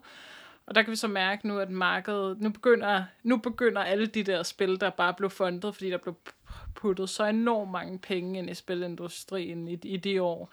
De begynder så at komme ud nu, ikke til sådan et mere eller men, men, mere større eller mindre succes. Øhm, og, og vi er måske på vej ind lidt, lidt i en nedkøling af hele markedet, ikke? hvis jeg også mange studier lukke og være i problemer, ikke Embracer Group, Ubisoft og sådan noget. Ja. Øhm, så, så det er lidt en spændende tid, vi går ind i, fordi nu der er virkelig, det har virkelig været overophedet hele markedet, og det er de spil, vi ser komme ud nu, og det er også derfor, der er fuldstændig oversatureret med spil for tiden. Øhm, især indie-spil. Så øh, ja, lidt lavt niveau, men øhm, stadigvæk nogle perler ind imellem, det vil jeg sige. Ja. Nærmest så mange, så jeg ikke kan altså, det nævne så meget. øh, også bare fordi der var mange øh, fremvisninger og så videre, så, så man blandede lidt det hele sammen, føler mm. Men, men klart, der er masser af spil, jeg skal spille, der kommer de næste år, ikke? Jo, jo. Så, og vi så må se, jeg må se det, så... Ja. Nej, hvad? Hvad, hvad er det, du må ikke jeg sige? sige så, selvom jeg ikke må se det, så bliver jeg også lige nødt til at udtrykke min ekstremt enorme skuffelse over den her Fable-franchise, øh, som jo er en Xbox-franchise, ja. øh, som endelig efter fire år har fået en trailer, og jeg var så skuffet. Oh. Ja, hvad, hvad er gameplay? Hvad er CGI? Hvad, de siger det hele er in setting er det i? Men det, ja. den sagde ikke så meget, den trailer. Det går den sgu Den sagde for meget forkert i hvert fald. Men uh, det må vi snakke om, når vi laver Xcast. En Xbox podcast. Dit Xbox-cast, ja. ja. Dit Xbox. Xbox podcast, hvor vinder alt fra Ja, jeg ved ikke, Ej, jeg synes, vi skal lave flødebollekast. Åh oh, ja, den er god. Jeff, Jeff, Jeff cast. Ej, nu går det helt af sporet. Vi må hellere lukke ned. ja. ja. Øhm, som, som sådan, jeg ved ikke, om, hvordan jeg skal formulere det, men jeg synes, jeg kan jo fornemme, at Microsoft især er lidt i ude nogle problemer for tiden. Ikke? Altså, de, de udgiver nogle spil, der ikke rigtig helt kommer godt fra start, og, og der er mange forventninger til for eksempel det her Starfield, ikke? der nu skal komme ud, og så skal det jo rent faktisk ikke have en helvedes masse problemer øh, ved launch, øh, ligesom Redfall. Men det har det jo. Og det, det, altså, det er jo, det er jo Bethesda-spil, kan man sige. Men, Nå ja, men, men, men folk kommer til at elske det jo, ikke? Men, men har ikke hørt, at, at uh, oraklet, uh, hvad fanden hedder han? Jeff Grubb? Uh, Phil Spencer. Nå. Phil Spencer. Nå, ja øh, frontfiguren for Xbox, ikke? han har jo været ude og sige, at det er Bethesdas mindst buggy spil til dato. det giver jo også... og hvad øh, betyder det? så i stedet for 103.000 bucks, så har vi 99.000 bucks. ja, vi, vi må se, hvordan... Nej, det ved jeg ikke. Det, er... ja, det, det blev lidt et selvmål, men det er meget sjovt. Ja. Men det er jo ikke, altså, der, man, altså det er overhovedet egentlig ikke hundigt men. Altså man skal jo også bare have for øje den unikke formel, som de spil følger, og de mm. har jo været ja. enormt betydningsfulde for open world-genren, og man skal også igen kigge på, Jamen altså, Anne, du siger jo altid det her, når vi snakker om den, ikke? Altså, nævn et andet spil, der tracker, et, nævn et andet open world-spil, der tracker samtlige objekter i spillet, hvor er det henne, på et hvilket tidspunkt, hvor har du samlet alle dit skrammel sammen og mm. lagt et eller andet mærkeligt sted i et hus, ikke? Og altså 100 timer til, senere kommer du tilbage til det hus, og så ligger der stadig den der skrammelbunke, du samlede sammen lige i begyndelsen af eventyret, ikke? Altså der, der er sådan en masse tekniske ting omkring de spil, der selvfølgelig mm. også resulterer i, at der er mange fejl, ikke? Men, men det giver jo en eller anden, det sælger jo en eller anden form for helhedsvision omkring, den type rollespil jo især, kan man sige. Det er virkelig mm. rollespil med stort R. Ja. Og, og, og, som ikke mange laver dem jo længere, vel? Og slet ikke i en open world setting. Så, så de kan også noget unikt, og det, det skal de have. Og, og jeg er ikke i tvivl om, at Starfield bliver en kæmpe bliver, succes bliver en succes. for Bethesda og for, for, for Xbox. Men, Men om bare... der vil være problemer ved launch, gigantiske problemer. men men, men færrest nogensinde. ja, det er det. Altså, pointen er også bare det med, at de, de har virkelig brug for et win med Starfield. Ikke? Altså både Xbox og Bethesda, fordi at de lige har været ude i, nogle, nogle problemer. Og også det her med, at, at der også skal komme nogle, nogle spil, første, første spil. Fordi det, det er jo det, som Nintendo har nailet. De har så bare problemer med tredje parts på nogle punkter, ikke? Men så har vi Xbox, som har mm. rigtig godt styr på tredje spillene. Men som virkelig nogle gange kæmper med at få lavet deres første spil færdige, og få lavet dem gode, og få lavet noget ordentligt hype omkring dem, ikke? Starfield er deres bedste chance. Jeg, jeg, jeg tror virkelig, de, de, de håber og har brug for, at det bliver mm. sådan en, en stor succes, og bliver forhåbentlig også for deres skyld nomineret til Game of the Year. Ikke? Um, ja. Men det vinder ikke. Nej, det, ja, det og alt og mere om dette i Xcast, ja. dit Xbox podcast, hvor vi vender alt fra Starfield til Phil Spencers Selvmord. forskellige udsagn på Twitter. ja, nej, det, øh, vi har også talt pænt om, om den kære Phil Spencer mange gange, i, også Nintendo-regi. Helt sikkert. Så. Helt sikkert. Men, uh, ja. Og i virkeligheden kan man snakke om, nej, nej, nu bliver det til Xcast. Vi skal lukke ned, Niklas. ja. Det går ikke mere. Nej. Det var uh, sådan set, hvad det hedder på programmet den her uge. Vi har snakket om uh, nogle af de spil, som vi synes, der var, der var værd at nævne. Der kommer til Switch uh, i den, den nærmere og længere fremtid. Der kommer et nyt Prince of Persia, The Prince of Persia The Lost Crown, 2,5D um, sidescroller. Der kommer Su- Sonic Superstars, også en 2,5D øh, platformer sidescroller.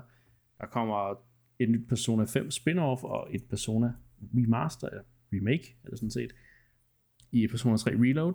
Vi får en Apollo uh, Justice Ace Attorney trilogi til Switch. Vi får Might and Magic Class of Heroes igen til, uh, til moderne konsol. Vi får Top 20 bedste spil nogensinde, I hørte det fra Anna. I hørte det fra Anna. og, uh, og nogle, også nogle uh, interessante indie-spil, der er på vej. Og ja. så er Summer Game Fest altså overstået for den her, øh, den her gang. Vi skal vente helt til december med at få mere flødebolleshow fra den kære Jeff Kitty, og jo mere, uh. selvom vi jo altid lyder lidt, lidt håndlige her i programmet i forhold til det, så, så er vi der jo og ser det hele hver gang. Så, øh, Fuldstændig. Så der, der, lapper det i os. Altså, det, det er nogle gode flødeboller, trods alt. det gør det. Så ja, jeg glæder mig til, til, til Game Awards, ikke mindst fordi jeg også selvfølgelig håber på, at det, et bestemt spil uh, vinder uh, Game of the Year. Ja, vi, vi ser, det bliver meget interessant. Det er et meget interessant show ja, til, til december. Det var sådan, hvad vi havde på programmet for i dag. Det var der ikke andet at sige. Men tak fordi I lyttede med, og så lyttes vi ved i næste uge.